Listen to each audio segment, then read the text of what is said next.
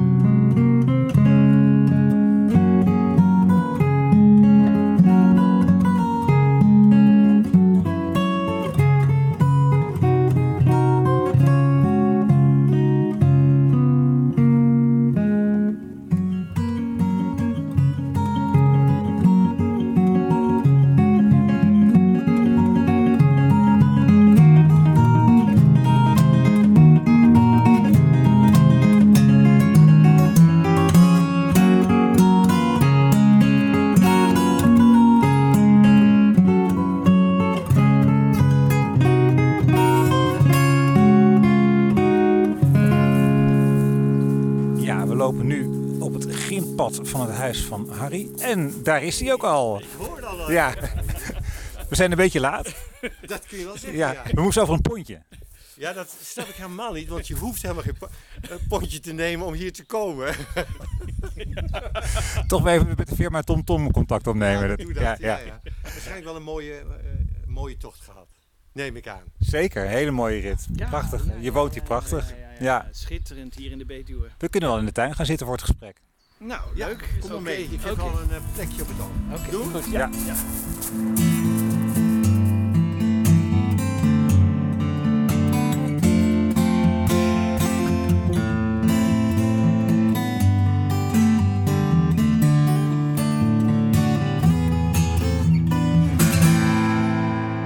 Ja, beste Fab Forecasters, ehm, jullie hoorden het al even. Wij, eh, wij zijn via de pont uiteindelijk beland eh, hier in Lienden. In de tuin bij Harry Saxioni. Ehm, en eh, ja, wie is Harry Saxioni? Ik denk dat de meeste van ons zullen hem toch wel kennen, zou ik hopen. Ehm, ik heb hier staan, Wiebo, je hebt het enorm ronkend opgeschreven. Een meestergitarist, de Johan Cruijff van de gitaar.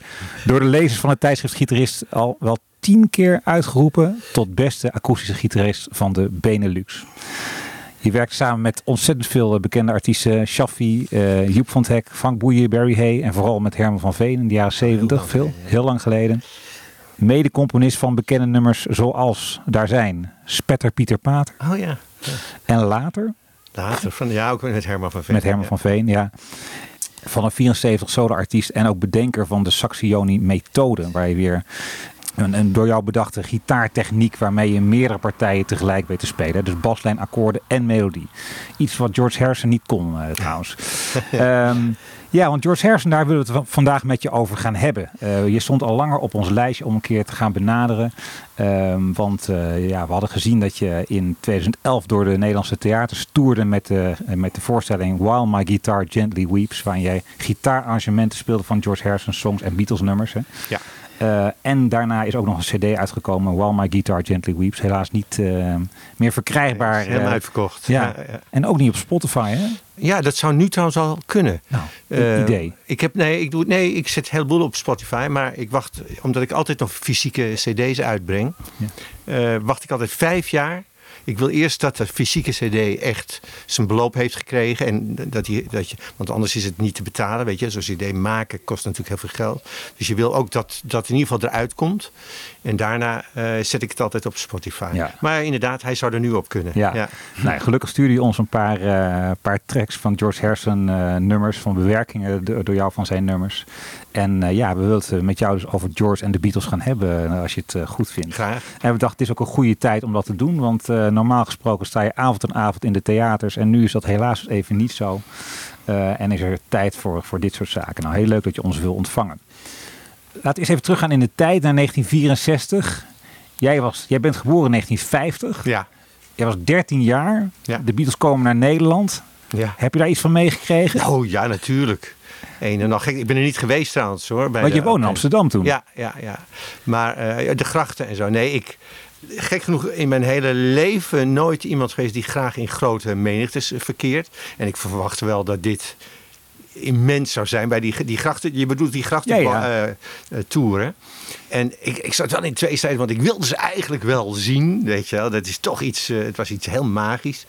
Maar ik ben er toch niet naartoe gegaan. Maar ik, ik, ik ben wel iemand die, ook als ik het niet direct ervaren heb, dan, of gezien heb, dan is de ervaring is voor mij eh, even groot. Want eh, de euforie dat ze daar waren en dat, dat iedereen eh, de, het water in, in dook en weet ik veel, dat, dat, vond- ja, dat krijg je dan helemaal mee. En dat kan ik, me ook- kon ik me ook levendig voorstellen. Ja. Ja. Ja, want in, in Amerika schoten de, de, de beentjes als paddenstoelen uit de grond hè, toen ze op Ed Sullivan waren geweest. Ja. Heb je dat, dat in Nederland ook zo'n soort invloed heeft gehad? Dat de komst van de Beatles heeft geleid tot een soort impuls van, van jonge gassies die opeens elektrische gitaar gaan spelen en bandjes gaan vormen? Nou, vind ik eigenlijk niet. Want je had in, Nederland had je de Outsiders. En, eh, het waren, ja, in, in Den Haag had je natuurlijk een heleboel bandjes die, eh, die opkwamen. Maar er was eigenlijk geen eh, televisieplatform. Je had toen Top of Flop van Herman Stok. En ik weet nog wel dat een van de eerste Beatle-nummers daar... mocht het publiek stemmen. En dan werd het een top of een flop. Nou, dat werd een dikke flop. Weet je wel. Dus dat werd weggestemd. Want het was toch wel een soort van herrie. En, en soms denk ik wel eens dat, eh, dat is eh, het bekende adagium van, van Willem Duis, dat dat toch eigenlijk wel geldt. Die zei altijd: eh, ze, Het maakt niet uit wat ze over me zeggen, als ze maar iets over me zeggen. En ik zweer het je daarna, werden de Beatles hier nog, nog groter toen het daar in dat programma een flop werd. Ja, ja. Dus er kwam toch een soort tegenbeweging eh, meteen van: Yes, maar dit is het wel, weet je. Ja. Ja, ja. Ja, want Harry, hadden jullie thuis een platenspeler? Ja. Hoe- En kocht jij, wanneer kocht jij je eerste platen? Weet je dat nog? Eh, al. eh, nou, daarvoor eh, nog eh, op mijn tiende of zo. nog Cliff Richard en Elvis Presley en, en Tommy Rowe en zo. Die had je toen. En die kocht ik ook allemaal. En, maar het leuke was, toen kwam, toen kwam die eerste. Ik dacht Twist and Shout of zo. althans, als eerste hit van de Beatles. Nee, had eerst Love Me Do, geloof ik. En toen dacht ik eerst nog van. Ja, dat is wel heel anders dan waar ik altijd naar luister. Maar dan ging je nog een keer luisteren en dacht je. Jezus, dit leeft. Dit is veel meer eh, to the point, weet je wel. Het was niet gelikt of zo. Het was, en, ehm, Ja, en toen begon ik met, ja, ik meteen, je had in de, in de Verwouwstraat Stom Waagman, eh, dat was een pla plaats waar ik ook, uh, ook mijn allereerste gitaar gekocht heb. Het was eigenlijk een platenzaak waar maar twee gitaren hingen. En een van die twee heb ik gekocht en daar is alles mee begonnen. Ja, leuk is dat. Maar daar kocht ik altijd mijn singeltjes. En nou, Beatles, dat, ik, ik geloof dat ik ze hier nog steeds op zolder heb staan. Dat is, dat is echt zo'n rij uh, Beatle plaatjes, ja. Hebben die Beatles jou aangezet tot het spelen van de gitaar? Of uh, in die tijd? Of wanneer ben je begonnen? Um, nou, dat, dat weet ik eigenlijk niet. Ik, ik heb altijd... Nee, ik, ik kreeg op mijn elfde kreeg ik een gitaar uh, voor mijn verjaardag. Want mijn moeder zei, nou, nou word je toch wel groot. Dan mag je ook wel een wat groter cadeau hebben. Ik wist helemaal niet, want... Uh, ja, wij waren eigenlijk helemaal niet muzikaal thuis of zo. En uh, we zijn eigenlijk middenstanders. Mijn vader had een sigaarwinkel. En toen dacht ik, ja, goh, ik luister altijd naar muziek. Misschien, misschien is een gitaar wel wat. Ik, ik had geen idee. En, maar dat is, wel een, dat is wel een leuk verhaal. Ik, ik was bij die Stom Wageman, dus ging ik met mijn moeder. Oh, toen zei ze wel, oké. Okay. Ik zei, ik denk dat ik een gitaar wil. Toen zei ze, oké, okay, maar dan vind ik wel, dan moet je les nemen. Want anders, het is niet zomaar. Ik denk, nou ja, het zal wel, weet je, dat doen. Maar het leuk was, daar, we komen dus bij, bij Stom Wageman binnen. En uh, ja, ik wist niks van gitaren. En ik zie dus twee gitaren hangen. Twee akoestische gitaren. En ik zeg, ja, ik wil graag een gitaar. En mag ik uh, van mijn moeder mag ik een gitaar kopen? Oh, zegt hij, nou. Hij pakt hem van die muur af. En hij geeft hem mij. En ik als klein jongetje, ik pak hem aan. En die gitaar komt, ja, ik laat het nu jullie even zien, maar dan voor de luisteraar.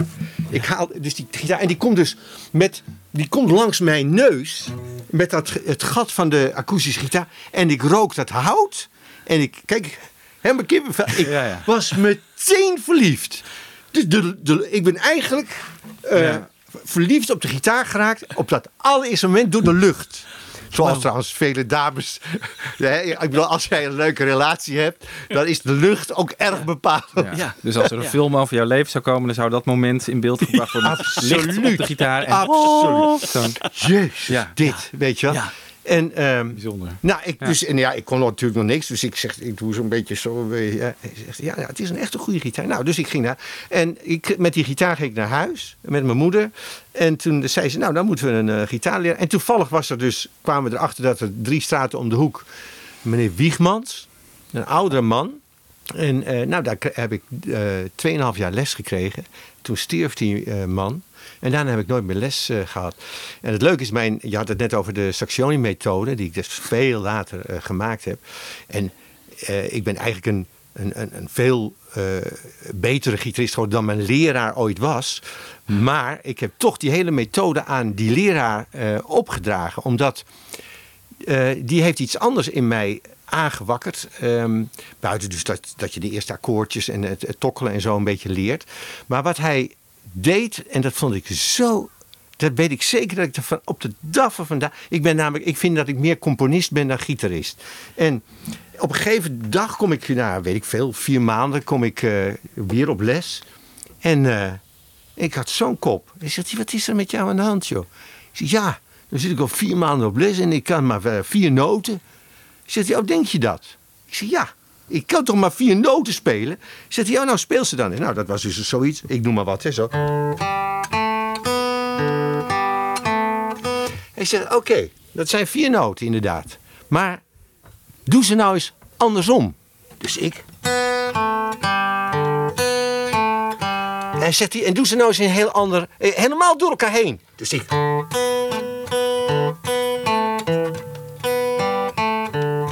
Hij zegt, doe ze nou eens een heel ander ritme. Dus ik... En opeens dacht ik, jeetje, wat goed. Met die vier noten die ik kon, kan ik eigenlijk al wieltjes scheppen. Zeg maar. En ik weet zeker dat daar het zaadje voor het componeren is gelegd. Ik, ja, kijk, ik ben, ik ben een kippenvelman, dat zie je wel. Ik, ik, als ik aan dat moment terugdenk, dan weet ik dat ik... Jezus, dit is te gek. nou, en op het moment dat je dus nog meer noten kan spelen, kan je nog veel meer dingen doen, weet je. En um, nou, dat is ook de reden dus waarom ik aan meneer Wiegmans, zoals hij heet, um, of heette, de methode heb opgedragen. Terwijl ik zeker weet, ik bedoel, het was echt iemand die, heel gedegen gitaar speelde, maar niet bijzonder. En wat ik zelf allemaal daarna ontwikkeld heb, dat is veel uitgebreider en weet ik veel wat. Maar ik vond dat zo ontzettend goede man. En zo goed dat hij, me dat, dat hij dat bij me geopend heeft. Dus zo is dat eigenlijk ontstaan. En of je eigenlijk om terugkomen op je vragen of de Beatles ehm, mij geïnspireerd. Uiteraard. Maar gek genoeg ook de Stones. En gek genoeg ook in het voorstadium een beetje de Shadows. Eh, want die waren ook met gitaar bezig. En dat was uiteindelijk wel weer heel netjes gitaarspel, ah, vind ik nu. Maar ehm, je dacht wel, goh, al die mensen die dat op die platen doen, dat is wel eigenlijk wat ik, wat ik wil. En nou ja, en dus dat wat je te gek vindt aan muziek op dat moment, dat inspireert je sowieso om. eh, maar het is eerlijk gezegd wel een, een Stones nummer. Waardoor ik opeens eh, akkoordgebruik begreep. De Satisfaction bijvoorbeeld. Weet je wel? En ik dacht, en ik dacht, en ik luisterde dan naar die, die, die lik vond ik helemaal gek. hè. En toen dacht ik, ja, maar ik hoor daar toch veel meer onder. Er wordt ook, die, die lik, die wordt ook begeleid. Daar zitten akkoorden onder. En ik dacht toen nog, het is B, B, C's, D, D, C's, B. Ik dacht, oh, dan is het natuurlijk de akkoorden B, C's, D. Nou, dan krijg je dit, weet je wel. Nou, dat was het natuurlijk helemaal niet. En toen denk ik, godsamme, dus het is dus zo dat je ah, met akkoorden die melodie kunt ondersteunen. En toen kwam ik erachter. En toen ik dat eenmaal vond, yes! Ik kan, ik kan een Stones nummer spelen, weet je wel. Nou, zo, zo kruipt dat dus langzaam naar je ontwikkeling toe. Ik moet ook wel zeggen, eh, Twist and Shout en, en, en Love Me Do, dat zijn ook wel eenvoudige nummers. Maar de Beatles kwamen eigenlijk daarna met veel ingewikkelde nummers. En dat was nog meer uitdaging om te kijken of je daar ook iets mee kon. Weet Maar jij bent dus wel iemand, je koopt die singeltjes en je ging ze meteen ontleden. Muzikaal ontleden Nee. voor jezelf. Nee, dat is, ook, dat, oh, dat is ook leuk dat je dat zegt, ja. Want dat heb ik nou eigenlijk niet. Ik laat eigenlijk, ben ik nu pas in mijn leven tot de ontdekking gekomen... dat ik alles aan het toeval overlaat. Ik, ik ga helemaal niet zitten, to- toevallig wel even om die akkoord, dat, akkoord ontdekken... maar ik ga helemaal niet zitten analyseren of zo. Bijvoorbeeld, ik heb op die cd, op die dubbel cd, daar staan ook eh, van die Beatles waar je het net over had. De andere cd, dat zijn allemaal andere nummers van eh, mensen die ik te gek vond in de jaren 60, 70, 80. Als ik Killer Queen speel, ik noem maar wat, ik heb nog nooit, ik heb, ik heb Queen niet eens in huis. Ik heb dus nog nooit geluisterd naar, dus als,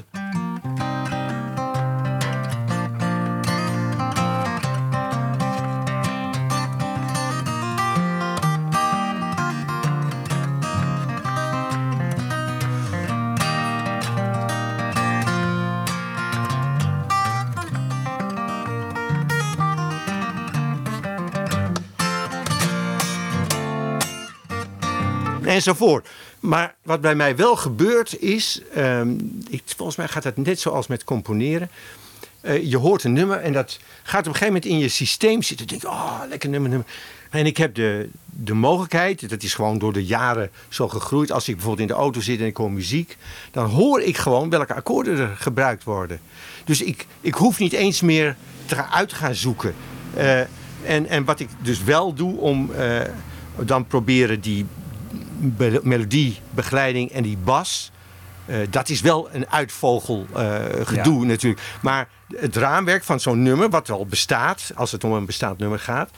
Dat, ja, dat heb ik gewoon in mijn systeem. Ik weet welke akkoorden er moeten zijn. En, en dan het enige wat ik dan ga doen is inderdaad uitvogelen. Hoe krijg ik het voor elkaar om, om een melodie en een, en een baslijn Kijk, als ik, dit, is een, dit is een mooi, dat heb ik ooit wel eens voor televisie ook eh, in de wereld door laten horen, omdat je daar heel goed die verschillende partijen hoort. Dus I Wish. Heeft een eigen baslijn. En dan doe je die met kijk. En die bas gaat door.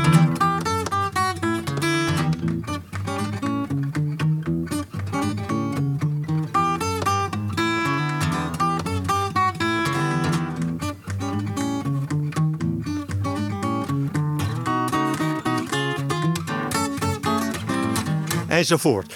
Daar ga je dan wel mee aan de slag. eh, om, omdat je dat niet zomaar natuurlijk eh, kunt doen. Je, moet, eh, want je moet je vingers allerlei eigen partijen geven. Zo is dat in dit soort van gitaar. Zet je dan I Wish ook op? Om, Nee, eh, heb ik ook nooit gedaan. Nee. Dus het is eigenlijk gewoon, je hebt het nummer gehoord, je kent het nummer en Ja. dan ga je gewoon in je Ja. hoofd het Ja, uit. absoluut. Bijzonder. En het leuke is, ik heb eh, wel in. Oh, dat is wel leuk dat je dit nou zegt. Want ik weet nog wel dat ik het, toen ik het op ging nemen, toen zei die technicus. Ik, ik doe op een gegeven moment. Doe ik, eh, even kijken. eh, eh, eh.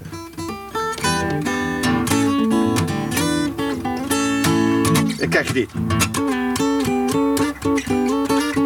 Dit doe ik. Maar het origineel schijnt anders te zijn. Het is nog een keer extra. Ik weet, ik weet niet wat ze doen precies hoor. Maar, maar hij zegt, dat, dat, dat is helemaal niet zo. Ik zeg, kan mij het schelen. Ik vind het eh, zo. Het is ik toch ga het eh, zo jouw doen. interpretatie daarvan, toch? Ja. Nee, maar dat geeft ook je eigen Ja, signatuur. dan precies. aan. Ja, precies. Ja. Maar eh, ja, zullen we het dus over eh, George Harrison Ja, gaan hebben? dat vind ik een hele eh, goeie. Ja. Wat betekent die voor jou als gitarist? Ehm, ja, dat vind ik weer wel moeilijk, omdat het niet een. eh, het, ik, ik heb George Harrison altijd ervaren als een, een duidelijk het derde bandlid van de Beatles. Omdat hij. ehm, zij moeten gevoeld hebben toen ze begonnen dat het werkelijk in principe ging om John Lennon en Paul McCartney. Dat waren degenen die ook meteen met nummers kwamen. En zeker Paul McCartney ook die, naar mijn idee, dwingende visie ook wel had. Ik, ik denk dat ze wel open stonden voor elkaar. Maar Paul McCartney was natuurlijk het verst al in componeren. John Lennon eh, net iets daaronder, vermoed ik. In die beginperiode. En dat maakte George Harrison tot een eh, letterlijk derde bandlid. Ik denk dat hij moest afwachten eh, waar de anderen mee kwamen. En dan kon hij zijn invullingjes doen. Daar is het in de eerste instantie op neergekomen. En ik weet niet, ik heb, ik heb een, een eerste nummertje, eh, ik, nog uit Hamburg. Eh, eh, dat hebben we volgens mij ergens klaarstaan. En daar hoor je hoe ontzettend, eigenlijk slecht hij nog gitaar speelt. Eh, op dat moment, hè, als jongen. Ik weet niet hoe oud ze waren ze toen in Hamburg. Dit was 1961 dat ze het opnamen. Toen was hij denk ik 17, 18. Nou ja, nagaan. Ja, ja. Heel bleu en, en heel beperkt. Ja. Eh, maar kunnen we het even draaien? En oh, kan, je dan, kan je dan eens je commentaar erop ja, geven? ja.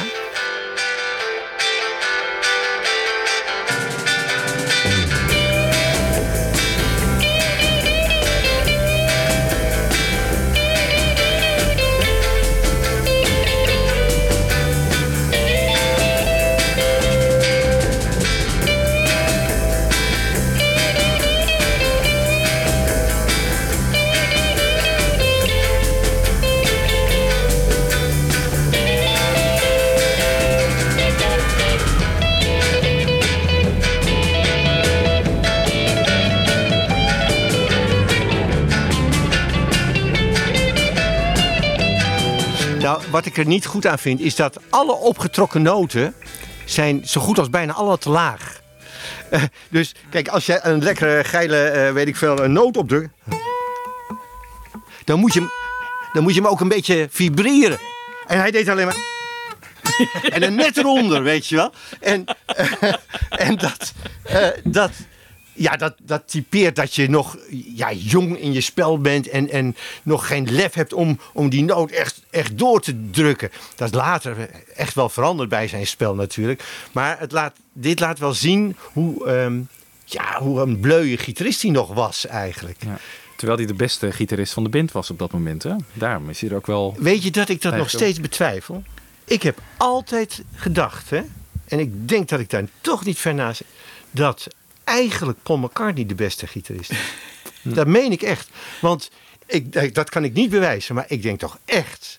Ik heb niet al die films gezien hoor, de, waar misschien is dat al wel een bekend iets, maar eh, als zij opnames maakt, ik ben er echt van overtuigd dat hij op een gegeven moment ook een aanzet, bijvoorbeeld had hij weer een nummer geschreven en dat hij een aanzet heeft gegeven van wat hij zou willen dat, Ja. dat de solo zou gaan. Dus ik, eh, ik, toevallig heb ik eh, een paar jaar geleden, twee jaar geleden Paul McCartney live gezien. Ja, ik zat te janken, zo mooi vond ik het. Ik, vind- ik vond het echt te gek.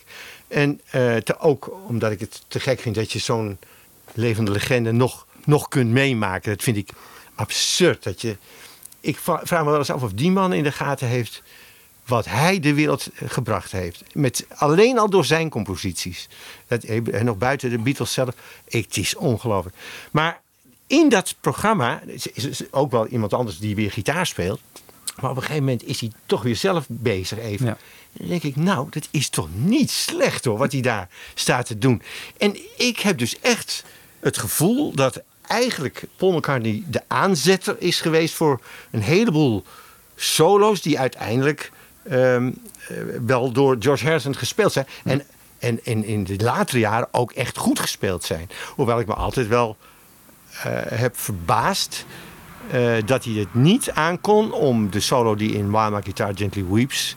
dat dat niet hij is, maar Ja. dat dat eh, Eric Clapton is. Ja. En dat heeft hij dus niet aangedurfd. Ik denk, ik weet het niet zeker, dat zouden jullie misschien kunnen weten. Ik denk dat er meerdere opnames moeten zijn geweest waar hij het zelf geprobeerd heeft. En dat dat niet gelukt is. Ja. En dat, ja. ja, is dat zo? Ja, dat klopt. Dat Ja, klopt. zie je wel. Hij probeerde eerst iets met een achterwaartse gitaar. hè. Dus, dus, Oh ja, eh, dan- achterwaarts, de- de noot andersom, De ja, noot ja. andersom. Ja, en, en, ja. eh, en dat hebben ze van alles geprobeerd. Ik denk ook dat hij misschien eh, af en toe de fantasie ontbrak. Zelfs bij een nummer als Taxman, hè, wat Ja. van, van hemzelf is, speelde Paul McCartney de solo, weet je. Om maar iets Ja, te noemen. Ja, ja, ja. Ja, ja. Hè, dus eh, ik denk ook dat McCartney, en daar komen we nu ook wel vaker achter, eh, vaak de, de aanzet heeft gegeven. Of zou je het misschien zo kunnen doen? En dat hij het perfect dan eh, kon spelen. Maar hij had waarschijnlijk niet altijd die creativiteit om het te doen. Nou, nou Jeff Emmerich die heeft daar een boek over geschreven, de technicus van de Beatles. Die, die maakte misschien eh, eh, wat te erg. Maar ik denk dat er wel een kern van waarheid in zit. Toch, en dat, nou, het is wel ja, grappig. ja, ja. Wij, wij, wij analyseren eh, Abbey Road. Hè. Dat doen Ja. we nummer voor nummer. Ja. Dus we hebben en we hebben net you, you Never Give Me Your Money gehad. eh, something. Nou, we gaan allemaal één voor één langs. We gaan al een uur en anderhalf uur over praten met elkaar. En we horen de hele tijd dit als een soort eh, terugkerende mantra. Het is McCartney. Die, Wat we nu- wat ik nu ook Wat je zeg. eigenlijk nu Ja, zegt. oké, Eh. En niet alleen maar gitaren, maar ook drumpartijen zelfs. Ja. Dus, eh, Ja, hij heeft Ringo ook allemaal moet Ja, precies. Ja. Ja, ik heb ook nog wel opnames dat je gewoon... en dan denk ik, zo, dat, dat klinkt toch beter dan Ringo, weet je wel? Ja, ja, ja, ja. Ja. Hij Dear Prudence heeft hij gedrumd. En, Ja. Oh ja. dus ja, ja, ja. ja. Ja, ja, ja. Maar nee, dat, dat is ook Clapton erbij haalde had ook wel een andere reden natuurlijk. Omdat hij... Die vriendschap met zijn vrouw, of niet? Eh, nou, dat kwam later. Kwam later. Nee, want ja, John en Paul namen hem niet echt serieus en zijn composities niet eh, serieus. Nee, dat klopt. Dus Dat hij dacht van als ja. je iemand van buitenaf erbij Oké. inbrengt, Ja, ja, dan ja, gaan ze ja. wel luisteren. Dan Ja. gaan ze gewoon zich heel goed gedragen. Deed hij Oh, later ook meer een psychologische kant zat Ja. er dus aan. Ja, Ja, ja. en misschien ook wel die solo kant. Want ja, want je- als je Clapton gaat uitnodigen, dan gaat hij de solo spelen. Ja, natuurlijk. ja, ja, eh, licht, ja. ja. Maar dat Ja. deed hij later. Clapton hij schijnt gezegd te hebben, je speelt niet op een Beatle-plaat. Ja. Ja. ja, hè, dat Ja, is dat zo, hè? Ja, ja, ja, ja, ja. ja. Vind ik wel mooi, Niemand hè? speelt ooit ja, een Beatle-plaat. Ja, ja.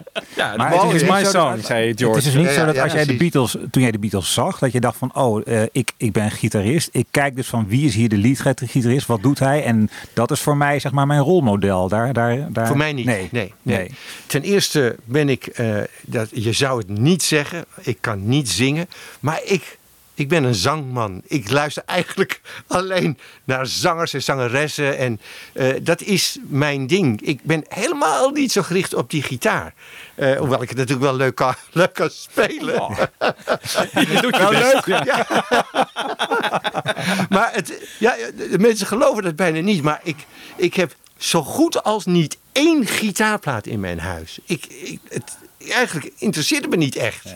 Ik ben meer, eh, ik ben een zang, eh, eh, zanggericht, maar ik ben ook, ik ben meer het gevoel dat een nummer me geeft. Dat is voor mij belangrijk. En dat daar toevallig een te gekke solo in zit. Of een, of een heel mooie akkoordenwisseling. Dat vind ik mooi meegenomen. Maar dat is, het is niet iets waar ik...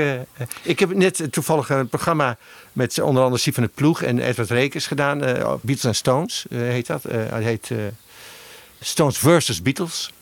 En ehm, daar heb ik voor het eerst echt alle partijen die George Harrison, eh, maar dan niet op mijn manier, maar echt in een band, gewoon echt zo eh, moeten spelen. En dan denk ik, ja, En, maar, en wat valt je er dan aan op? Want zijn het dan hele creatieve, moeilijke partijen? Of zeg je Nee. van, nou, dit is precies wat het nummer nodig heeft? dat je- is wel. Ja. Dat laatste, dat vind ik wel te gek. Ik vind het totaal niet moeilijk. Maar wat ik er zo goed aan vind. Eh, maar dat vind ik bijvoorbeeld ook van een gitarist als Lindsey Buckingham bij, bij Fleetwood Mac. Dat zijn mensen die zijn eigenlijk niet overdreven goed. Maar die zijn zo functioneel voor. Die kunnen zo goed functioneel voor wat een nummer nodig heeft laten horen. En dan klopt het ook meteen. En dat is wel wat ik, bedoel, als ik in Something of do- why, en die, die middensolo. Hoewel ik ook eerst dacht dat het Paul McCartney was. Is het ook zo? Nou, nou, Nee, nee. ik denk dat Paul McCartney hem daar de... dat denk ik dus ja, ja, ja, ja, ja, ja, ja, ja. Oh, dus eh, je hebt een medestander gevonden. ja, nee, nee. Het was ja. een nou, one-man dat is- band. het, het leuke is namelijk, het is zo Paul McCartney Nou. wat hij wat hij daar doet, weet je wel. En, eh, Ja. Dus het kan bijna niet anders. Hè? Nee, oh, nou nee, goed. nee, nou goed. Maar in ieder geval, hij voert het dan wel goed uit. Want het, dat is, dat is leuk gespeeld, zeg maar. En, en, en, het, eh, en het past zo goed bij dat nummer. Ja, en, da- en dat is oké. En, en we komen zo meteen op, op, op zijn latere dingen met die, met die bottleneck en zo. Daar vond ik hem wel weer inventief, zeg maar. Ik, ik denk dat hij naarmate hij ouder is geworden, inventiever is Zeker. geworden Echt in zijn spel. laadbloeier geweest. Ja, dat is zeker. Dat is zeker. Ja, Ja. ook meer vaak in het begin hè, dat hij eh, op BBC-opnames of op takes die niet gebruikt zijn, van bijvoorbeeld I Saw a Standing There, een Ja. eerdere take, dan hoor je hem zo leren. En hij heeft geen idee wat hij moet doen. En het klinkt nergens naar. Oké, oké. Ja, dus hij is, niet, hij is nooit een jammer ook Nee, geweest. nee, dat Het- zal hij, hij zat ook altijd gewoon eh, in een hoekje. En het duurde er altijd heel erg lang voordat hij zijn partij had Ik denk dat hij dan zat te vogelen. En Ja. Iemand had, McCartney had dan waarschijnlijk iets. En dan, dan gaat hij vogelen. Ja. En dan, ah ja, ja, ja, ja oké. En, En dan, dan, na twee uren is hij Ja. dat, heeft hij dat. en zo. dan, en dan gaat oké. hij dat spelen. Ja, Zullen we nog even een klein stukje doen? Can't Buy Me Love, de solo te horen op Anthology 1. Oké.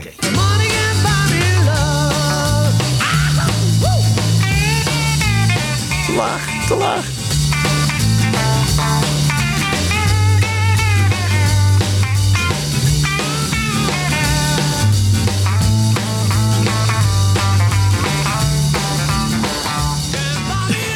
ja. Dat zeg is niet best. Nou, dit, ja, dit is zeker niet best. Eh, nou, weet je, het is iemand die. Ook hier denk ik weer dat Paul McCartney iets heeft gezegd van eh, probeer zoiets. En hij doet dat dan wel, maar hij blijft bij dat, dat ene dingetje. Ik weet niet meer welke toonsoort. Maar Weet je, dan blijft hij dat maar herhalen om, om maar zeker te zijn dat er iets opkomt. Weet je? Dus ja, dat is niet. Dat, maar Ja. dat is, dit is trouwens niet om hem neer te zetten. Maar het is wel mooi om te zien dat er ehm, ook onder de druk van Paul McCartney en, en John Lennon. Want dat zal ongetwijfeld bij hem een enorme rol gespeeld hebben. Dat je uiteindelijk wel tot het echte werk kunt komen. Want dat is uiteindelijk toch wel gebeurd eh, bij hem. Maar volgens mij was de, eigenlijk de vraag hoe, hoe ik hem als gitarist zie. Nou, dat is in de eerste instantie dus echt wel een, een beetje een, eh, een, een probeerder. Om niet te zeggen een klungeraar. Een klungeraar. Maar je zat zelf toch ook in de klungels? In de klungels, ja. Ja, dat was maar één nummer. Ja. Toen wist ik, wist, oh wat leuk. Ja, dit is toen ik 16 of 17 was, was dat. Eh, toen heb ik, eh, eh, ik wist helemaal niet wat ik wilde. Ik was en studiogitarist en ik, en ik, ik wist helemaal niet welke kant ik op wilde.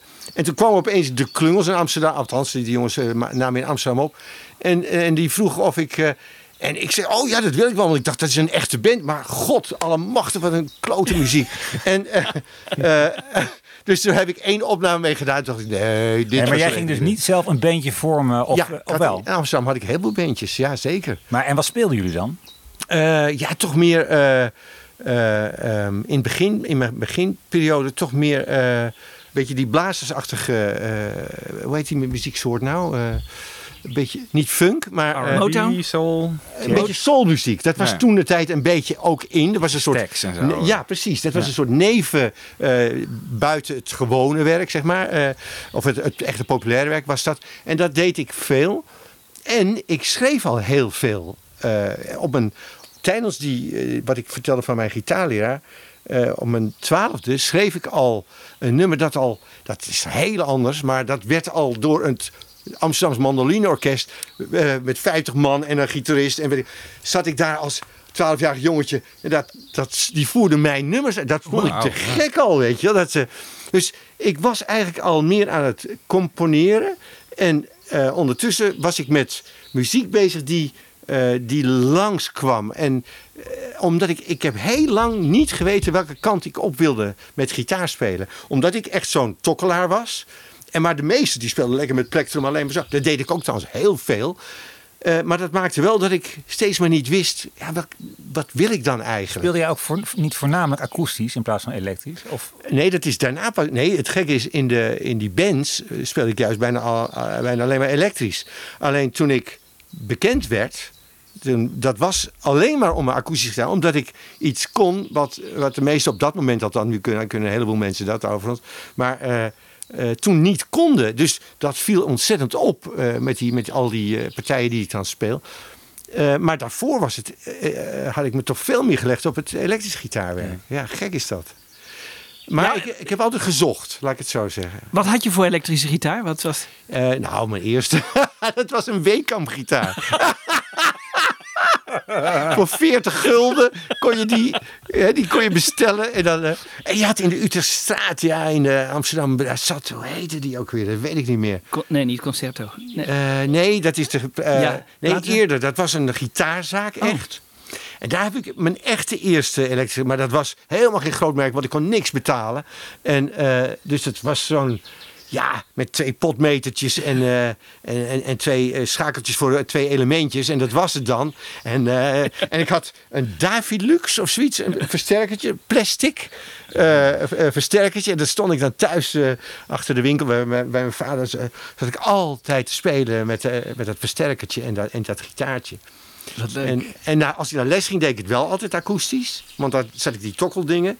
En dat elektrische, dat was uh, het beentjesding, zeg maar, voor mij. Ja. Oh, zullen we even verder gaan? Want je hebt een aantal ja. uh, George Harrison uh, gitaartracks geselecteerd. De volgende was All My Loving. Oh, mooi. Wacht even. Voordat ik je dat laat horen, ik wil ik nog wel even zeggen. Dan moet je ook even naar de wonderbaarlijke triolenbegeleiding van John Lennon luisteren.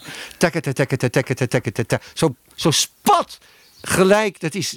Tekkete, tekkete, tekkete, tekkete, tekkete, tekkete. Dat moet je maar eens luisteren. Ja, want wat is een triool?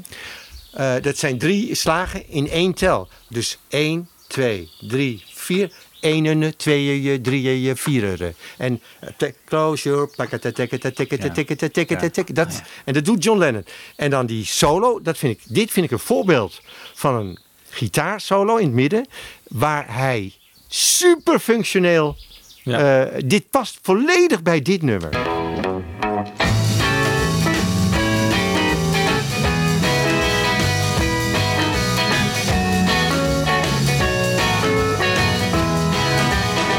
Het is zo relaxed gespeeld. Tank, ta, kata, tank, ta, kata.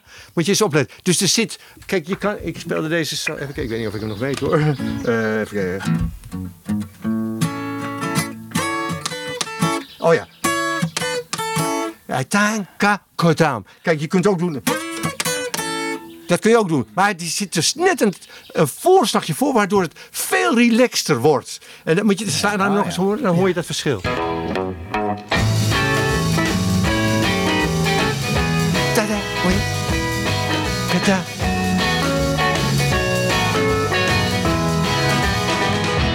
Ja, dat, vind ik, dat vind ik echt. Uh, dit is in zijn eenvoud prachtig. Echt waar. Ja. Goh, je laat ons iets horen, ja, wat, wat, wat we nog niet. Waar je niet nooit, op, nee. nee, wat mij nooit op was opgevallen. Nee. Maar nu, nu, nu jij het zegt, hoor ik het ook. Ja, ja vooral ja. Door, door wat je zegt van je had het ook anders kunnen doen. Ja, precies. Ja, precies. Ja, net, ja, ja. ja. Die, ik, die, want toen wij dat, want dit speelden wij ook met dat programma. En toen ik dit uh, voor mezelf uh, aan het spelen was, toen dacht ik, goh, volgens mij doet hij dat toch anders. He, want ik had dat ook weer uit mijn hoofd, weet je. Zo. Toen ben ik wel eens gaan luisteren. Toen, toen hoorde ik dat. Jeetje, pa, ka, kadam, pa, ka, kadam, pa, ka, kadam. Wordt veel ja, relaxter daardoor. Ja. Schitterend. Ik heb weer kippenvel. ik ook hoor. Het is prachtig. Het is echt schitterend. Mooi voorbeeld. En, en hij is ook beïnvloed als gitarist door Chet Atkins. Ja, dat, dat snap ik. Heb ik nooit begrepen. Waarom niet? Nou, ik denk wel dat hij het uh, goed vond. Omdat Chet Atkins doet eigenlijk een beetje uh, zoals ik ook. Ja, dus fingerstyle. Die doet helemaal geen... Uh, nou, dit is wel een beetje... Ja, misschien is dat wel zo. Dit is een beetje, zou je kunnen zeggen, in de ja. Chet Atkins. Terwijl hij slaat dit. Hè? Dus daar...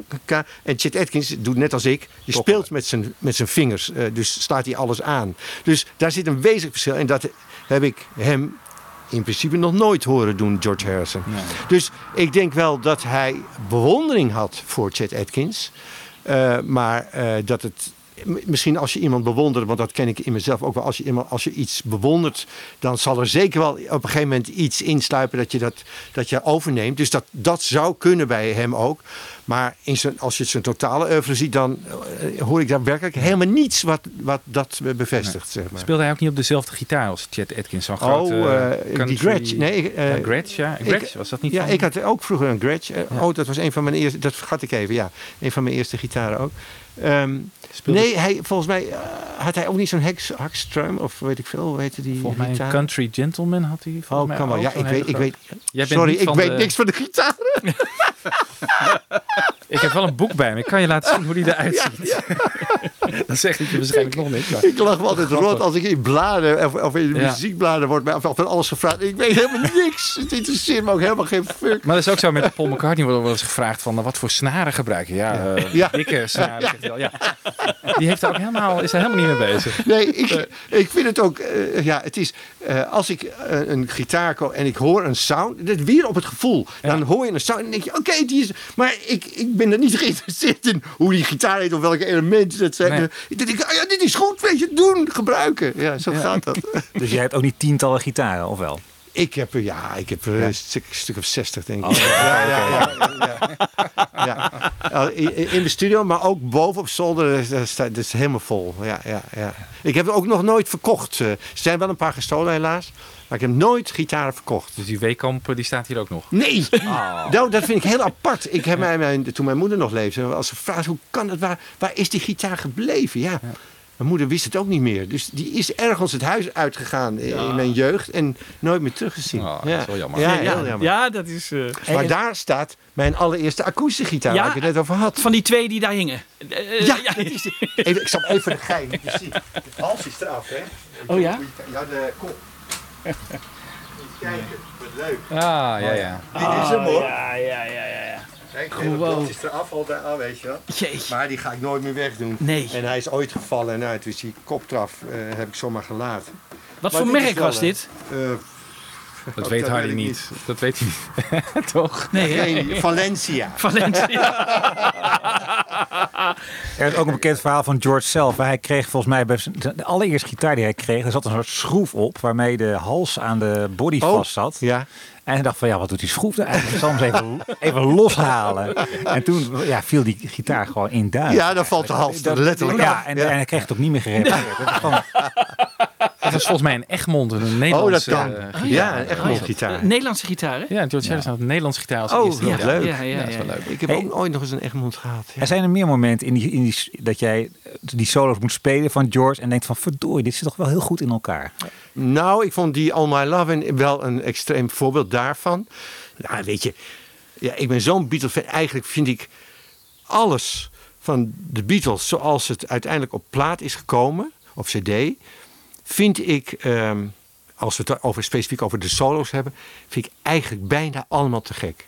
Gewoon om, wat ik al eerder zei, omdat het functioneel is en omdat het, het is niet, het, weet je, het is geen eh Steve Vai en het is geen eh, gelukkig maar, weet je, ik bedoel, dat zijn allemaal gitaristen die door gitaristen geroemd worden omdat ze echt gitaristisch spelen. Maar dat, heeft, dat zal mij worst wezen. Echt. Ik, ik, vind, ik vind het juist zo goed. Eh, en, en daar vind ik die Lindsey Buckingham van, van, van Fleetwood Mac ook zo goed. Dat, die- dat ze in staat zijn om wat het nummer vraagt, om dat te spelen. En dat zal nooit ehm, een gitaristisch wonder zijn. Van dat je denkt, nou, dat je daarop komt. Of dat je dat kan technisch. Dat is het allemaal niet. Maar het is, het is melodieus. Het is, het is functie. Het past in het raamwerk wat je op dat moment aan nummer hebt. En eh, ja, dat, ik vind dat het allermooiste dat muziek te bieden heeft. is een mooi voorbeeld, eh, nu jij dat zo zegt, denk ik dan aan eh Digger Pony. Ken je dat nummer van de Let It Be album? Ja, ja, ja, zeker. Ja, ja, ja. En eh, dat is eigenlijk helemaal niet zo'n bijzonder nummer. Nee. Maar ik vind dat het echt, het hoogtepunt in dat nummer is gewoon eigenlijk gewoon die gitaarpartij van George. Dus heel erg ondersteund. Heb je dat mooie fills en een solo. Oké. Laat het hele voor nog.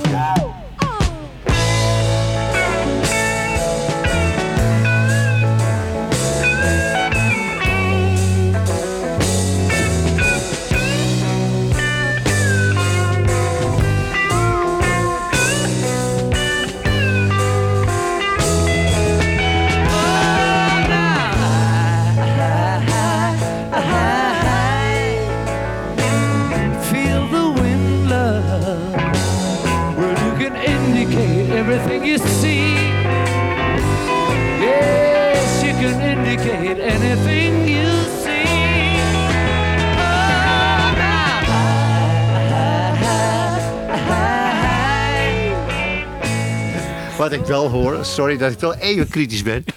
het is onzuiver. ja. Oh ja? het is niet, ja, de gitaar is niet zuiver. Ja, het is op het dak gespeeld, hè? Op een Oh, koude dat is dat, januari. eh, dat eh, ding. Ja, ja, ja, ja.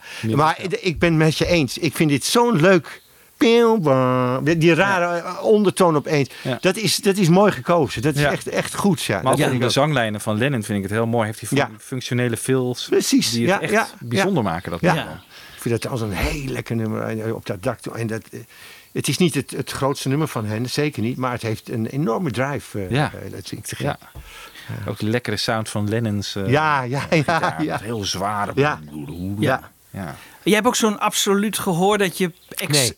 Nee, want je, Gelukkig geen dat stem absoluut op, gehoor. Dat stemmen, eh, ik bedoel, Ja. dat, dat gaat je heel makkelijk af hè, van zo'n gitaar. Ja, dat wel. Maar er is een verschil tussen goed kunnen horen of iets zuiver is. Of een absoluut gehoor hebben. Ja. Eh, daar moet je maar beter niet hebben, een absoluut gehoor. Want dan hoor je bijna alles dat vals is. Eh, dan, vroeger had je dus die, die hoe noem je dat, die record- de platenspelers. Nou, die waren natuurlijk, die gingen door zo'n, werden aangedreven door zo'n bandje. Ja. Als dat maar iets eh, eh, verslapte, dat bandje, Ja. dan gaat hij dus langzamer. Ja. Ja. Nou, iemand met een absoluut gehoor, die, die wordt dan helemaal achterlijk. maar dat heb ik niet. Ik kan dus, ook al zouden ze een- daardoor een hele toon lager... Ja, dat hoor je wel, want dan hoor je het bruiner van geluid worden. Maar dan zou ik nog het hele nummer gewoon kunnen, kunnen beluisteren. Dat zou mij niet, eh, niet, niet een probleem geven. Maar ik hoor wel natuurlijk, maar dat doet iedere muzikant bijna. Die kan goed... eh, je kunt wel goed horen wanneer een toon het net niet, net niet haalt. Ja. Maar hadden jullie, hadden jullie, ken, wist je, ik haalde dat hier dus niet uit, hè? Dat dit niet helemaal net niet... Oké. Nee. Jij wel? Nee. nee. Nee? Nee, Nee, maar je zei net wel dat jij wel kunt horen in welke toonsoort een nummer eh, zit. Of is dat, Nee, ik kan de het- akkoorden goed horen. Ja. Eh, kijk, als, wat ik niet kan, eh, bijvoorbeeld, ik hoor een nummer op de radio. En dan eh, kan ik eh, de akkoorden benoemen. Dan, kies ik, dan weet ik niet de werkelijke toonsoort. Maar dan denk ik bijvoorbeeld, oké, als dit een C-akkoord is, dan is dat volgende Ja, ja. akkoord een G. En dat, Ja, is een- dat weet ik dan allemaal. Ja. Maar eh, ik kan het dan bijvoorbeeld thuiskomen en denken, oh ja, hoe ging dat? Eh, en, en dan kan het blijken, als ik dan het echt even luister, dat het, dat, dat het eigenlijk misschien wel, wel drie tonen hoog is. Maar zijn, dan zijn de, De structuren akkoorden, zijn- die kloppen dan wel helemaal. Ja, ja. Zou je nog een nummer willen spelen voor ons? Heb je iets voorbereid? Ik heb er niks voorbereid. In deze coronatijd zit ik een hele dag in mijn tuin. Of ik. eh, als ik dit doe, dan weten jullie ongetwijfeld meteen welk nummer dat is. Nog één keer? Hier kan het staan. Ja, natuurlijk. Dat is, dat is ongelooflijk. Dat is helemaal hier gespeeld, ook door hem. Op de zevende positie, zeg maar. En dan. Hij is niet zuiver, wacht even. hoor. Hij is niet helemaal zuiver, maar ik ga het proberen.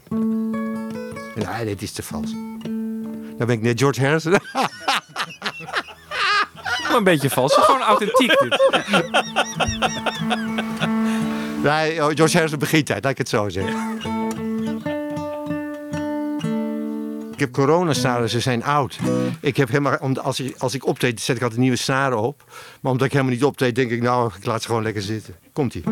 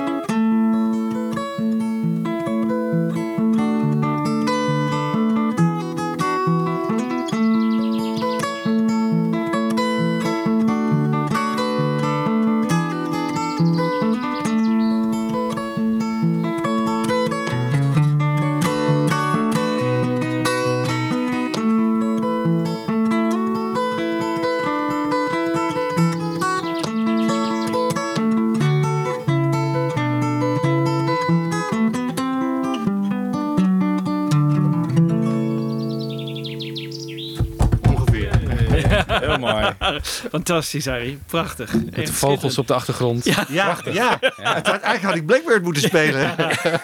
Nou, het is geschreven in de tuin van Eric Clapton. Hè? Eh, Hier komt de sun? Ja, hier komt oh, de sun. serieus? Ja, ja, ja, ja, Oké. ja. ja dus eh, de zon, hè, het was in, in de lente. En dus, in dit, in dit ja, het klopt dus eigenlijk wel klopt helemaal. helemaal. Klopt Mooi. helemaal, klopt helemaal. Ja, mooi, mooi, mooi, mooi, mooi, mooi, mooi. En kan je hier ook eens commentaar op geven? Dit is Till There Was You, een van zijn eerste echte mooie solo's. Eh, dit komt van With the Beatles. Hè? Till there was you.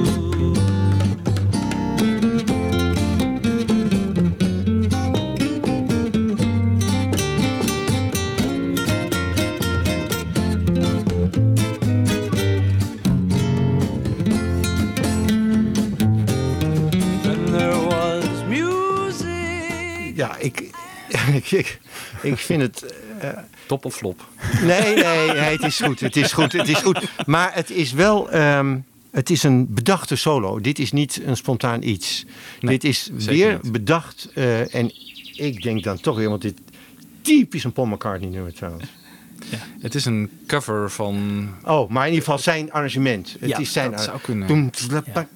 En, eh, oh, dan ben ik trouwens wel... Van wie, van wie is het origineel? Cochrane of zo? Van, eh, Nee jongens, komt het niet uit Net de een Music musical. Man? Ja. Een musical? Ja. En ben, nou, is het niet even leuk om te kijken waar het vandaan komt? Om te kijken wat zij als Ja. middenpartij hebben Oh ja, bedacht. ja. Dan ben ik wel benieuwd of, daar, of ze daar een, een link hebben gelegd of niet. Till there was you.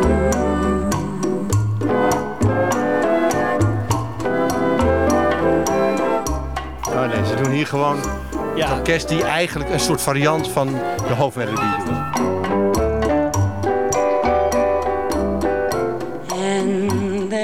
Maar jouw punt is, Harry, van ja, het is dus wel, het is wel goed, maar het, is niet, het raakt mij niet. Het emotioneert mij niet. Nee, dit, nee, dat doet het zeker niet. Nee, het is geen. eh, omdat je heel goed hoort dat het een. Het is een gearrangeerde solo. En eh, het is gewoon. eh, ja, heel, heel knap. En mooi, eh, eh, hij heeft ook een mooie, eh, mooie nootopvolging, zeg maar. Maar dat maakt het ook wel heel bijna academisch, zeg Ja, maar. hij speelde het ook al een jaar daarvoor bij de Decca-auditie. Ja.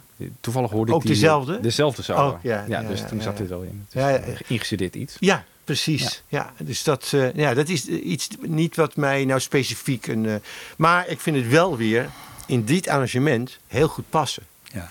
Dat weer wel. Die solo's hebben altijd een beetje eenzelfde structuur. Hè? Ze gaan altijd omlaag of zo. En dan op een gegeven moment gaat het weer de melodielijn in. En dan gaat hij weer even omhoog. Ja, maar dat is een eh, wet van mede en persen. Hè? In de muziek is het bekend dat als je welke melodie je ook wil spelen, het zal altijd van hoog naar beneden weer omhoog gaan. Ja. Want anders blijf je de one-note samba spelen, weet je? Pap, tap, tap, padadap, pap, padadap, pap. En dat, dat is dat drie keer horen, word je er ook wel gek van, hoor. Nou ja, over simpele solo's gesproken. Die heeft George ook, die ook heel functioneel zijn. Dat zijn eh, bijvoorbeeld eh, die van I Should Have Known Better, I'll Follow the Sun en All You Need Is Love. I Follow Sun vind ik ook heel mooi. hè? Ja.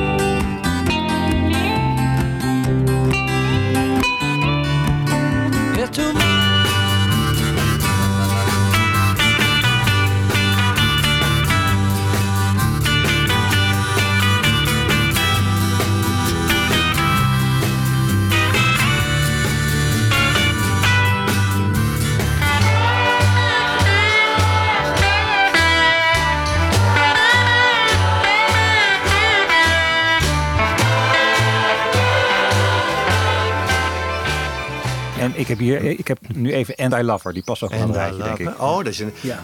Is dat geen Paul McCartney solo? Moet, moet.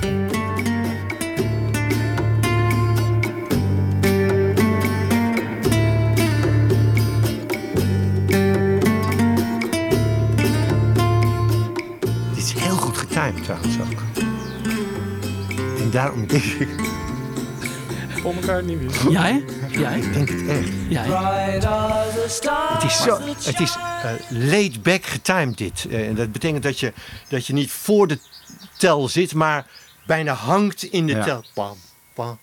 Zo drumde Ringo ook een beetje. Die ja, hing ook dat altijd. klopt. Ja, dat klopt. En Ja. dat maakt het heel relaxed. En daar is Paul McCartney bijvoorbeeld in zijn basspel ook een bij uitstek grandioos in. Die kan echt laid back spelen.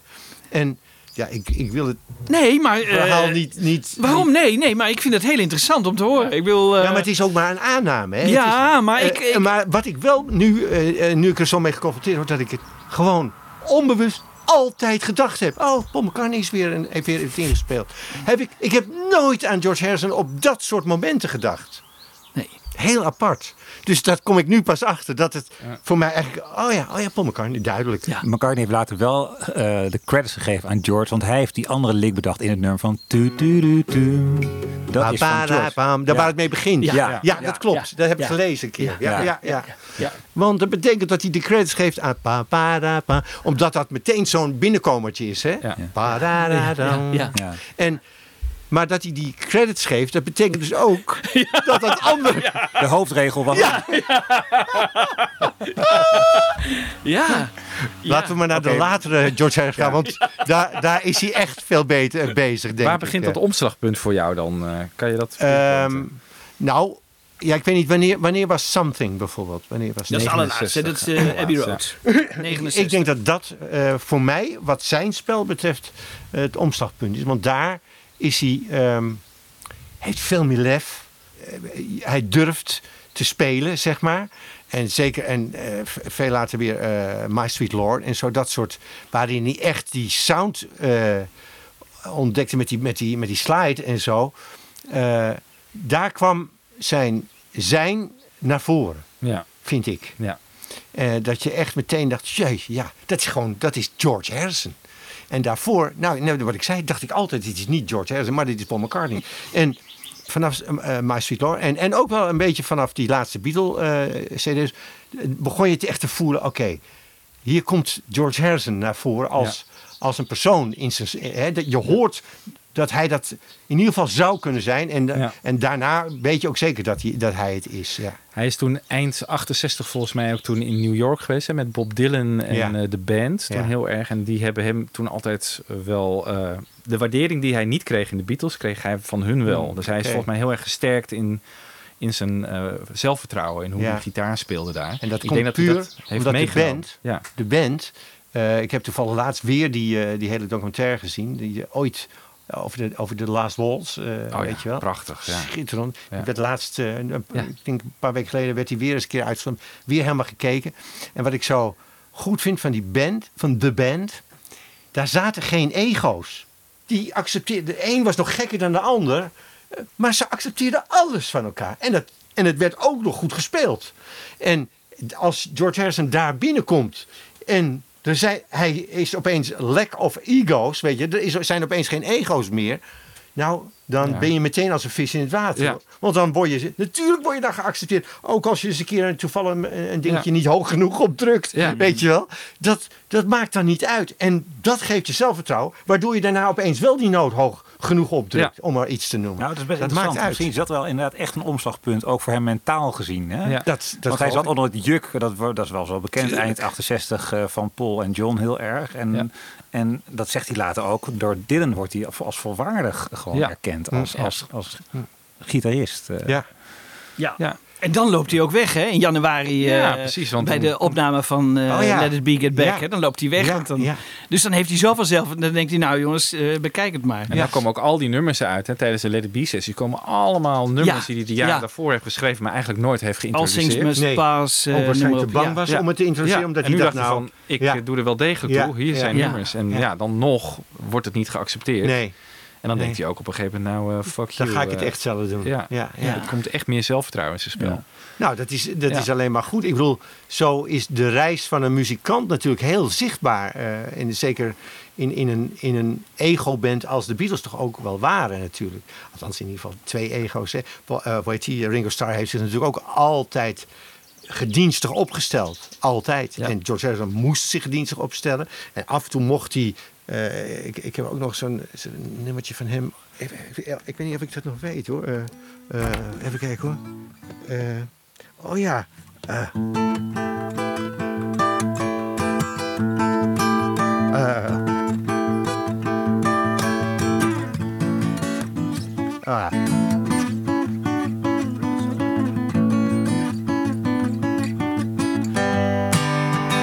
If I. Enzovoort. En toen dacht ik, eh, het is eigenlijk. eh, ik bedoel, ik vind het in de Rubber Soul plaat helemaal te gek eh, passen. Maar toch denk ik dat John Lennon en Paul McCartney ontzettend hun bedenkingen bij dit nummer hebben gehad. Dit is zo een bijna kinderlijk melodietje. Na, da, da, da, bam, da, da, da, da, bam, bam, bam, bam, bam.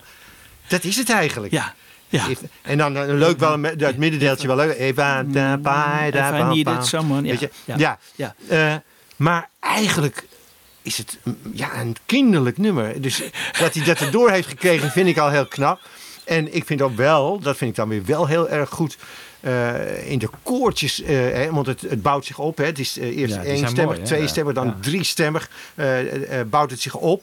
En dat doen ze wel weer grandioos. Ja. Dus- kan ook de invloed van McCartney weer zijn geweest. hè? Ja, Want die was die altijd met die, koortjes met die, met, die- met die, koortjes. Hè? Daar was hij natuurlijk een meester in. Absoluut. Ja, ja, ja. ja, ja. Dat zag je ook trouwens in zijn soloprogramma. Hè? Dat, dat wat hij de anderen meegeeft aan partijen en zo. Dat is Ja, ja, schitterend. ja. Ja. Echt schitterend. Ik moet ook aan die, die, eh, die bootleg van Think For Yourself denken, weet je wel? Ook een nummer van Rubber Soul. Ja. Eh, het is een, een kwartier lang een opname. Vol- Volgens mij vlak voordat ze de kerstsingle zouden opnemen, eh, draait dus de, de, Ja, de de recorder mee. door, ja, en ja. dan hoor je ze dus repeteren op Ja. Think For Yourself. En Ja. daar is volgens mij, daar zie je ook zeker, zeker die clash of egos in die band. Ook, ook Lennon die eigenlijk merkt van ja, op wat voor hoogte moet het eigenlijk? Hoe gaan we het arrangeren? En, en Harrison weet het eigenlijk ook niet helemaal. Nee.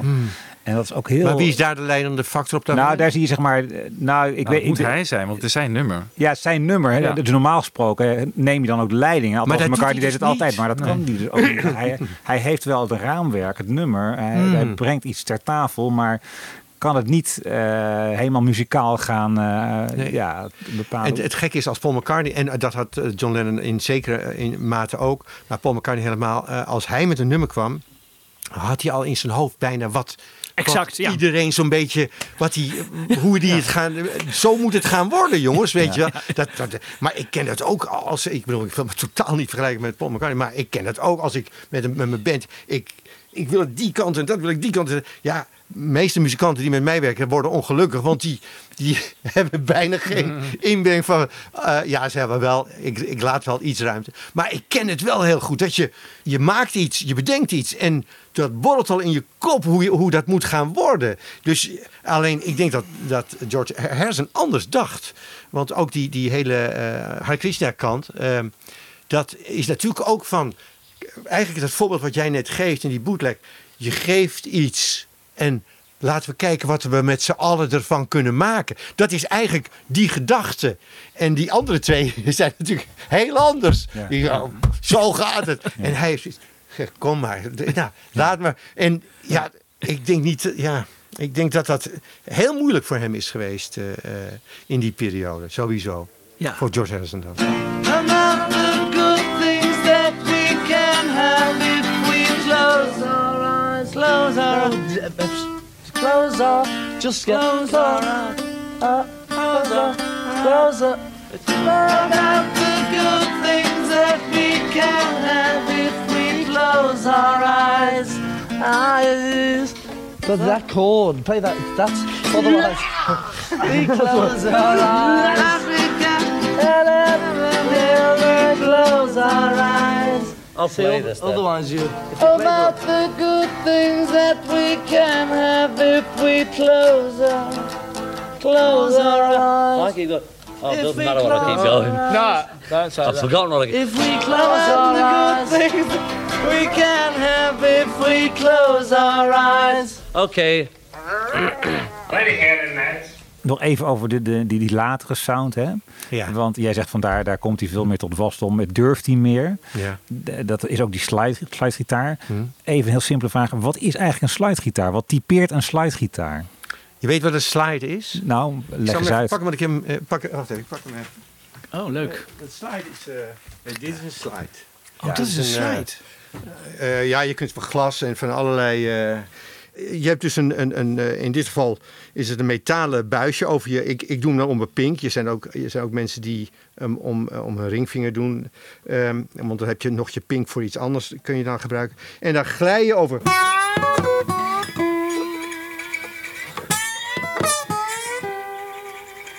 Dit is slide. En ehm, hij kreeg de, eh, van George Harrison dan, ehm, begon dat heel goed te beheersen op een gegeven moment. Door, want je zit heel gauw, eh, als, je, als je niet exact boven je fret zit, dan zit je al, iets, al gauw iets te hoog of te laag. En dan zit je Dus- er tussenin. Ja, en dan, dan wordt het eh, wat... Kijk, maar het leuke is dat als je... Oeh, ik krijg hem er bijna niet af, het is warm. Eh, die, dit, dat kan je ook met je vingers doen. Kijk, dat, dat zou dan is zo anders. Dat zou ook kunnen. Dat hebben ze dus niet gedaan. Maar je kunt dus eh, ja, je noot buigen door. eh, die, hij blijft namelijk klinken en dan, terwijl hij klinkt, gaat hij omhoog of omlaag door dat buisje. En eh, hij, van George Harrison, had dat op een gegeven moment echt goed door. En dan krijg je bijvoorbeeld die sound op eh, My Sweet Lord.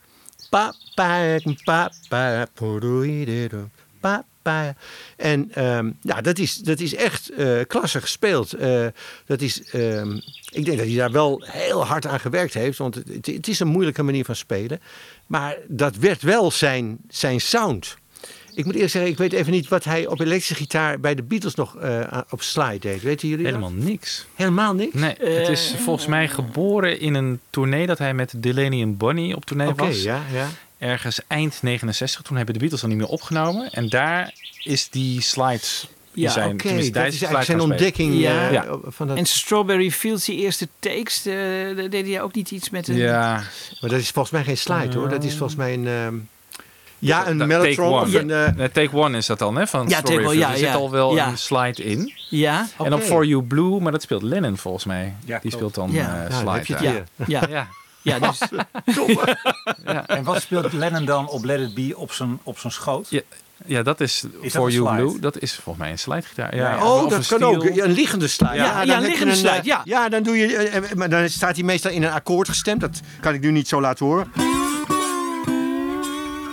Dan heb je. Dan, dan ben je hem liggend. Ik heb nu dus op mijn- de gitaar op mijn schoot. liggen. Maar meestal heb je, ben je dan in een akkoord gestemd. En dan kun je eh, heel makkelijk een akkoord naar, naar een volgend eh, iets, iets brengen. En ehm, dan Eigenlijk heb meer je, steelgitaar spelen dan dan. wordt het eigenlijk een soort steelgitaar. Ja, Ja. precies. Oh, ja, ja, ja. ja, ja, ja. Dat is de, inderdaad exact die techniek. eh. Ja.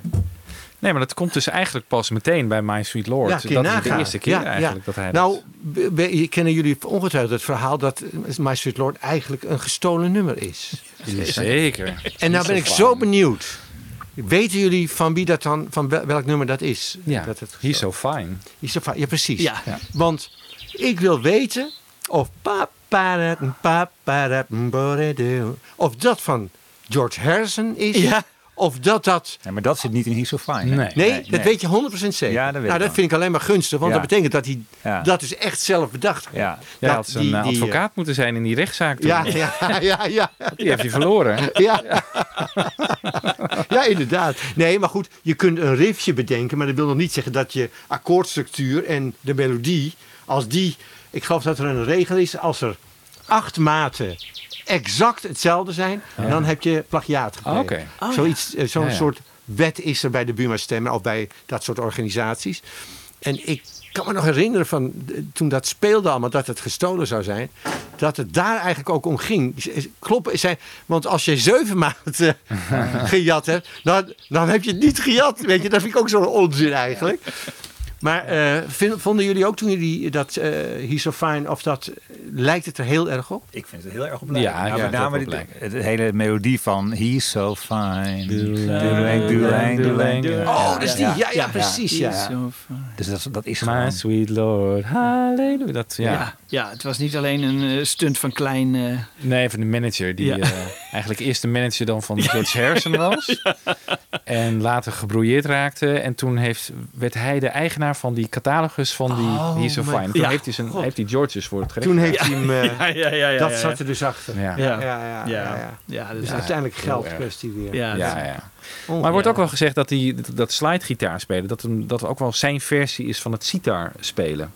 Hij is natuurlijk enorm. Dat kan ik me heel goed voorstellen. Want bij de sitar, dan doe je eigenlijk... Waar ik nu frets heb, die hebben dan ook wel frets. Maar die zijn gebogen en die liggen veel wijder uit elkaar. Dat betekent dat als je... en Nu druk ik een snaar op. Als je dat op een sitar doet, dan heeft dat nog een veel breder... Dan, dan krijg je dat echte sitargeluid. En dat is eigenlijk het slide-gevoel wat je dan krijgt. Alleen bij een sitar klinkt het omdat het instrument Citariaans is. Eh, klinkt het als een sitar. Dus eh, dat zou heel goed kunnen dat dat hem geïnspireerd heeft om, om uiteindelijk die slide ook echt onder de knie te krijgen. Ja. ja mooi.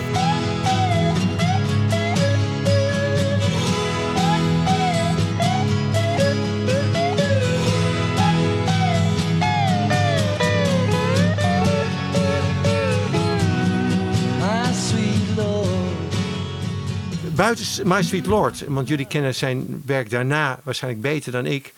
Heeft hij ook wel op elektrisch gitaar de slide gebruikt? Ja, eigenlijk alleen maar. Ja, toch hè? Ja. Oh, ja, dat bekende nummer ook. ehm, dat was ook zo'n hitje. Ehm, Give me love, Ja. give me peace on daar earth. zit ook een slide in trouwens. Ja, dat zit bijna in al zijn werk Ja, zit ja, slide hoor. Ja. dat- En daar doet hij allemaal helemaal goed, vind ik daar. Ja. Dat soort, eh, soms denk ik ook wel eens van, nou, speel nu weer eens even gewoon Love comes to everyone, ja. Maar het is een beetje zijn Ja. handtekening geworden, Ja. denk ik. Dat Ja. hij dat voor zichzelf ook zo voelde. Hij staat ook fan van de ukulele geworden. Ja. Ja, He- Heb jij ukuleles ook? ik heb een, een ukulele hier, ja. Maar ehm, heel soms eh, gebruik ik hem wel eens als, als begeleidend instrument of zo. maar ik ken ondertussen, over de, door YouTube ken je ukulele spelen. Dat is gewoon ongelooflijk. Dat- Ik bedoel, die kunnen hele Beatles-songs op één ukuleletje spelen. Weet je wel? Dat, Ja. dat bestaat al tegenwoordig. Eh, Dus wat ik kan op een ukulele, dat is nog geen, geen 1% van wat dat, dat soort mensen kunnen. En ik moet eerlijk zeggen dat ik niet weet hoe hij... eh, het zal wel meer in de begeleidende sfeer zijn. Ja, Denk ik? Ja. Ja. Ja, dat, zal, wel- dat, Ja. dat vind ik op zich wel, wel logisch. Ik, ik heb ook een balalaika en ik heb weet ik veel wat ik allemaal heb. Eh, en daar, daar kun je in wezen, omdat je gitaar speelt, kun je in wezen, als je het in dat begeleidende sfeertje houdt, kun je er vrij makkelijk eh, dingen op vinden die, die, die leuk klinken. Maar wat ik al zei, die ukulele-spelers die je nu zo langzamerhand eh over de hele wereld op YouTube ziet, dat is eh, bij het ongelofelijke af.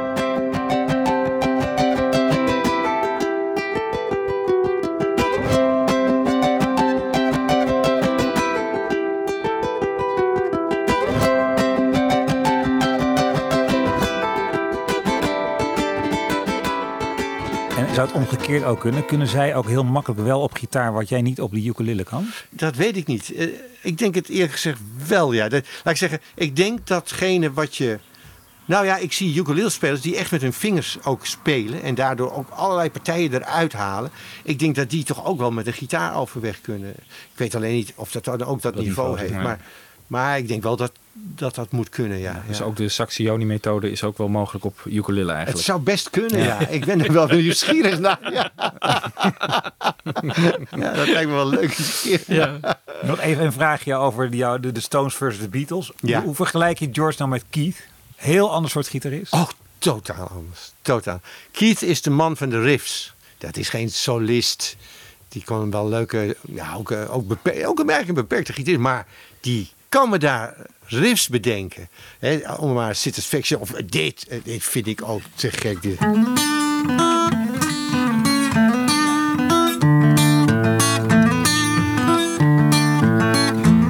Dat is alleen maar dat. En het is zo lekker, jongen. Dat, ik vind het helemaal te gek.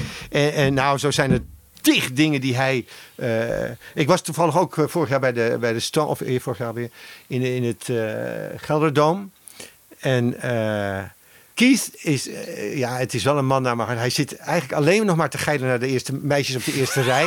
En hij kan bijna door, ik denk door, door artrose, zijn hand ook bijna niet meer eh, eh, echt gebruiken. Maar die paar riffjes, die doet hij er wel. En dan staat hij ondertussen ontzettend te lachen naar, naar de meisjes op die eerste rij. Van, hé, hey, ik ben het wel, weet je wel. En voor mij is hij dat dan ook, weet je wel. Hij, hij mag dat ook zijn. Ja. En, en, eh, en eh, Ron Wood staat dan al die, moeilijkere dingen te doen, weet je wel. En dan staat hij nog, terwijl hij, eh, daar staan ze ook met z'n tweeën naast elkaar. Dan staat Ron Wood zich helemaal de pleuris te, te werken op een hele moeilijke solo. En dan staat hij ook lachend ernaast. Ah, dat, doen we, dat doen we weer goed, hè. Weet je wel. Dat, nee, dat is niet vergelijkbaar. Het is... ehm, eh, ik, het leuke is in, de, in het Stones and Beatles programma zeg ik... ehm, eh, waar, waarom ben ik nou een gelukkig mens?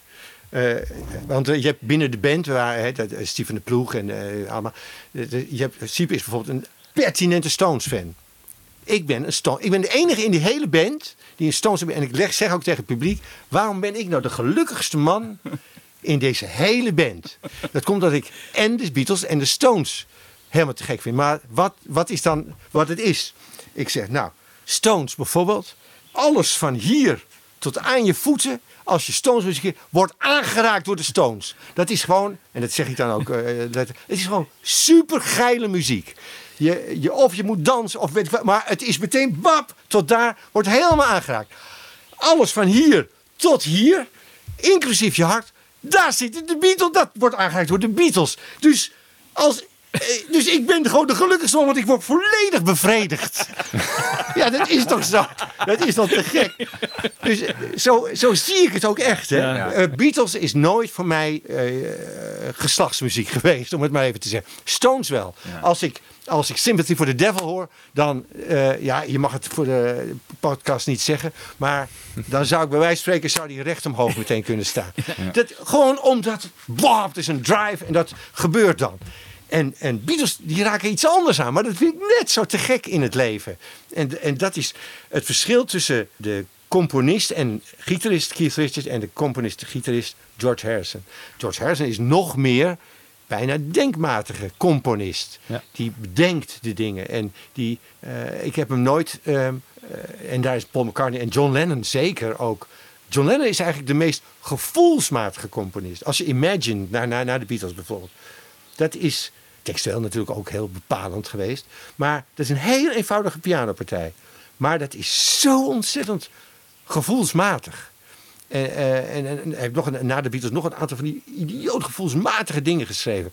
Dat, dat zakt er nog net iets onder, eh, onder je navel, Onder de- zeg maar. Ja, ja. Eh, maar Stones is echt, is dat alles daaronder. En, maar ik ben juist zo blij dat, dat die twee muzieken dus voor mij zoveel betekenen.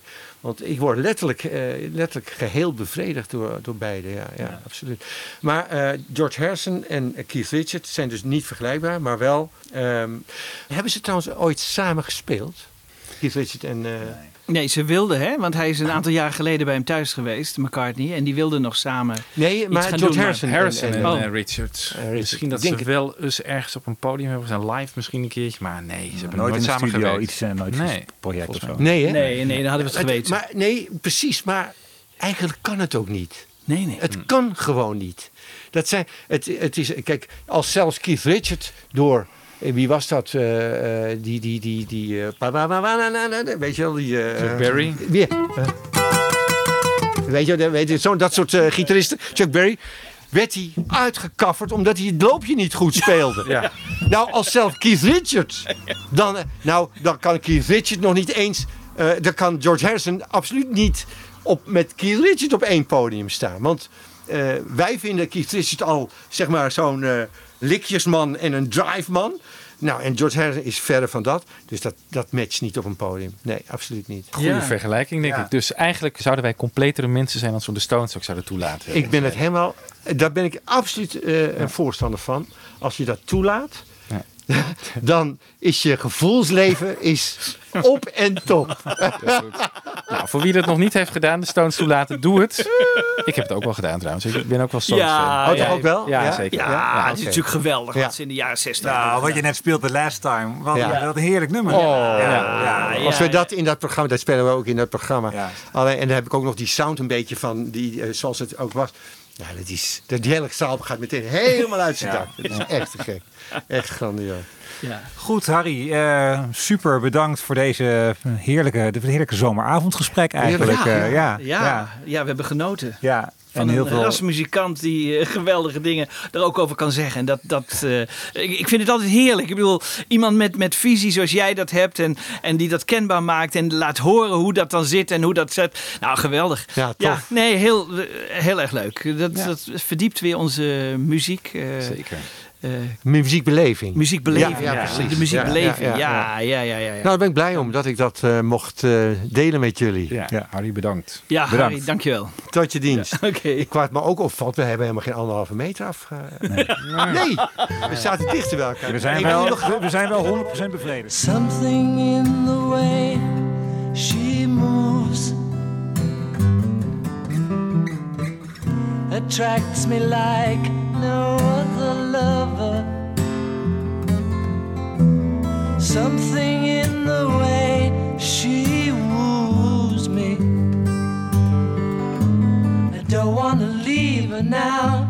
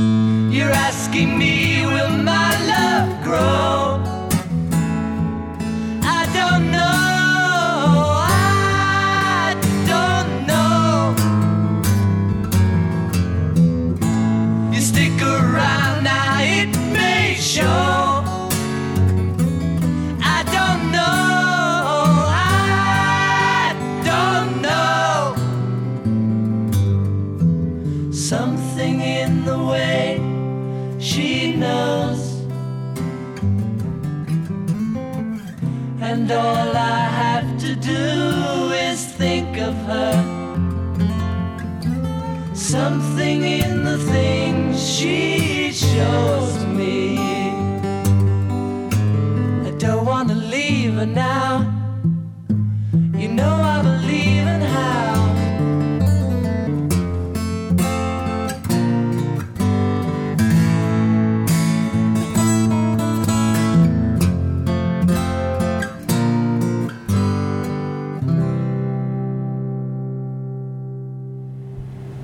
Superleuk gesprek. Wat een aardige gast, zeg. Ja, ontzettend leuk gesprek. Eh, meteen bij aankomst al dat je denkt van... oh, dit is volgens mij een eh, hele vriendelijke man. Zo kwam hij al over op filmpjes die ik had gezien op zijn, eh, op zijn webpagina. Maar dat bleek ook helemaal te zijn zoals hij was.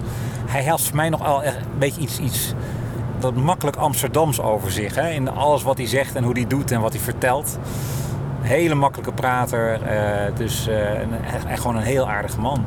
Vond ik ook. En, en ik vond het interessant wat hij zei over die ego's. Want ik, weet je, hij, hij is ook een muzikant in hart en nieren. Die zich helemaal inzet ten bate van de groep eigenlijk. Hè? Dus hij is een geweldig gitarist. En zo, beschouwt hij George Harrison ook. Maar samen met die groep, daarvoor doe je het. Je doet het niet om je eigen solo eh, mooi naar voren te laten komen. Nee, het is het product waar je aan werkt. En zo bekijkt hij ook die Beatle-nummers. En dat vond ik eigenlijk heel interessant. Ik vond dat hij eh, enkele hele interessante zienswijzen had. En eh, dat opende ons toch weer de ogen. En eh, dat vind ik altijd heel erg leuk. Als een, als een rasmuzikant daar je nieuwe, eh, op een andere manier naar nummers laat kijken. Dus dat, dat vond ik echt bijzonder. En jij, Wibo?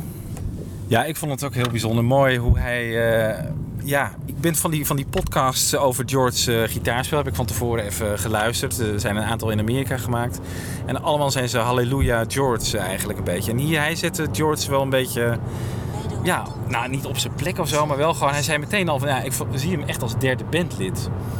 En ja. goh, ja, dat vond ik toch wel even een uitspraak in het begin. Maar ik dacht op een gegeven moment van. Ja, hij onderbouwde dat wel in ieder geval. Ja, en ik had ook echt een ode aan George verwacht. Dat is ook de ondertitel van die cd van hem, hè? een ode aan George. Ik dacht van, nou, nu krijgen we een soort eh, lofzang op George Harrison. Was het niet. Eh, maar ik moest ook meteen denken aan onze eigen podcast, Jan Kees. Hoe vaak hoor ik jou wel niet toch zeggen van... ja, hier zat waarschijnlijk McCartney achter. eh, al de kleinste details, een arrangement, een solo, een drumsolo zelfs. Of een drum of een drumpartij, hè? Eh, dus dat klopt wel aardig met het beeld wat ook in onze shows ontstaat rond die Beatles. Ja. Dat vond ik ook heel erg leuk natuurlijk. Ik werd natuurlijk af en toe gesteund door hem zonder dat hij het wist, want hij kent onze eh, podcast niet. Maar dat hij ook af en toe zegt, ja, hier hoor ik McCartney in. En dat vind ik dan wel heel erg leuk, want ik denk ook dat het zo is. Ik bedoel, de genialiteit van die McCartney. Maar die heeft ook George weer. En dat, dat, dat zei jij, Wiebo, ook nog. Ik bedoel, die heeft ook George weer eh, tot grote hoogte eh, laten stijgen. Dus ook, ze, ze, ze beïnvloeden elkaar op een positieve manier, toch? Hoe, hoe kijk jij er tegenaan? Ja, nou ja, voor George kan ik me wel voorstellen dat het wel frustrerend was. Omdat die McCartney altijd maar voor ging zeggen hoe hij moest spelen. En George van nature gewoon langer de tijd nodig heeft om een, om een gitaarpartij uit te werken. En die tijd kreeg hij dan misschien vaak niet. Of dan, ik weet ook nog ergens dat McCartney zegt van... mij you, doen. you, you call that a solo of zoiets. Ja, ja. weet je, dat Ja. is ook wel weer heel denigrerend ten opzichte van George natuurlijk. Ja. En dat George later zegt, eh, he ruined me as a guitar player. Ja. Ja, dat is wel heel sterk. Dat, dat, Misschien voelde hij dat zo, maar... Nou, dat denk ik ook niet. Dat dat, dat echt niet het geval is. Ik bedoel, ik denk nog steeds dat hij die solo bedacht heeft voor Something. Maar daarin laat hij eh, George eh, gloreren. En, en, en dat vind ik ook iets. Ik bedoel, dan, dan mag McCartney dat verzonnen hebben. Maar dan laat hij dat George gewoon op een geweldige manier doen. En ik denk eh, dat er alleen maar George ten goede kwam. Dus eh, nee, ik geloof zeker niet dat hij hem geruineerd heeft als gitarist. Jij wel, Michiel?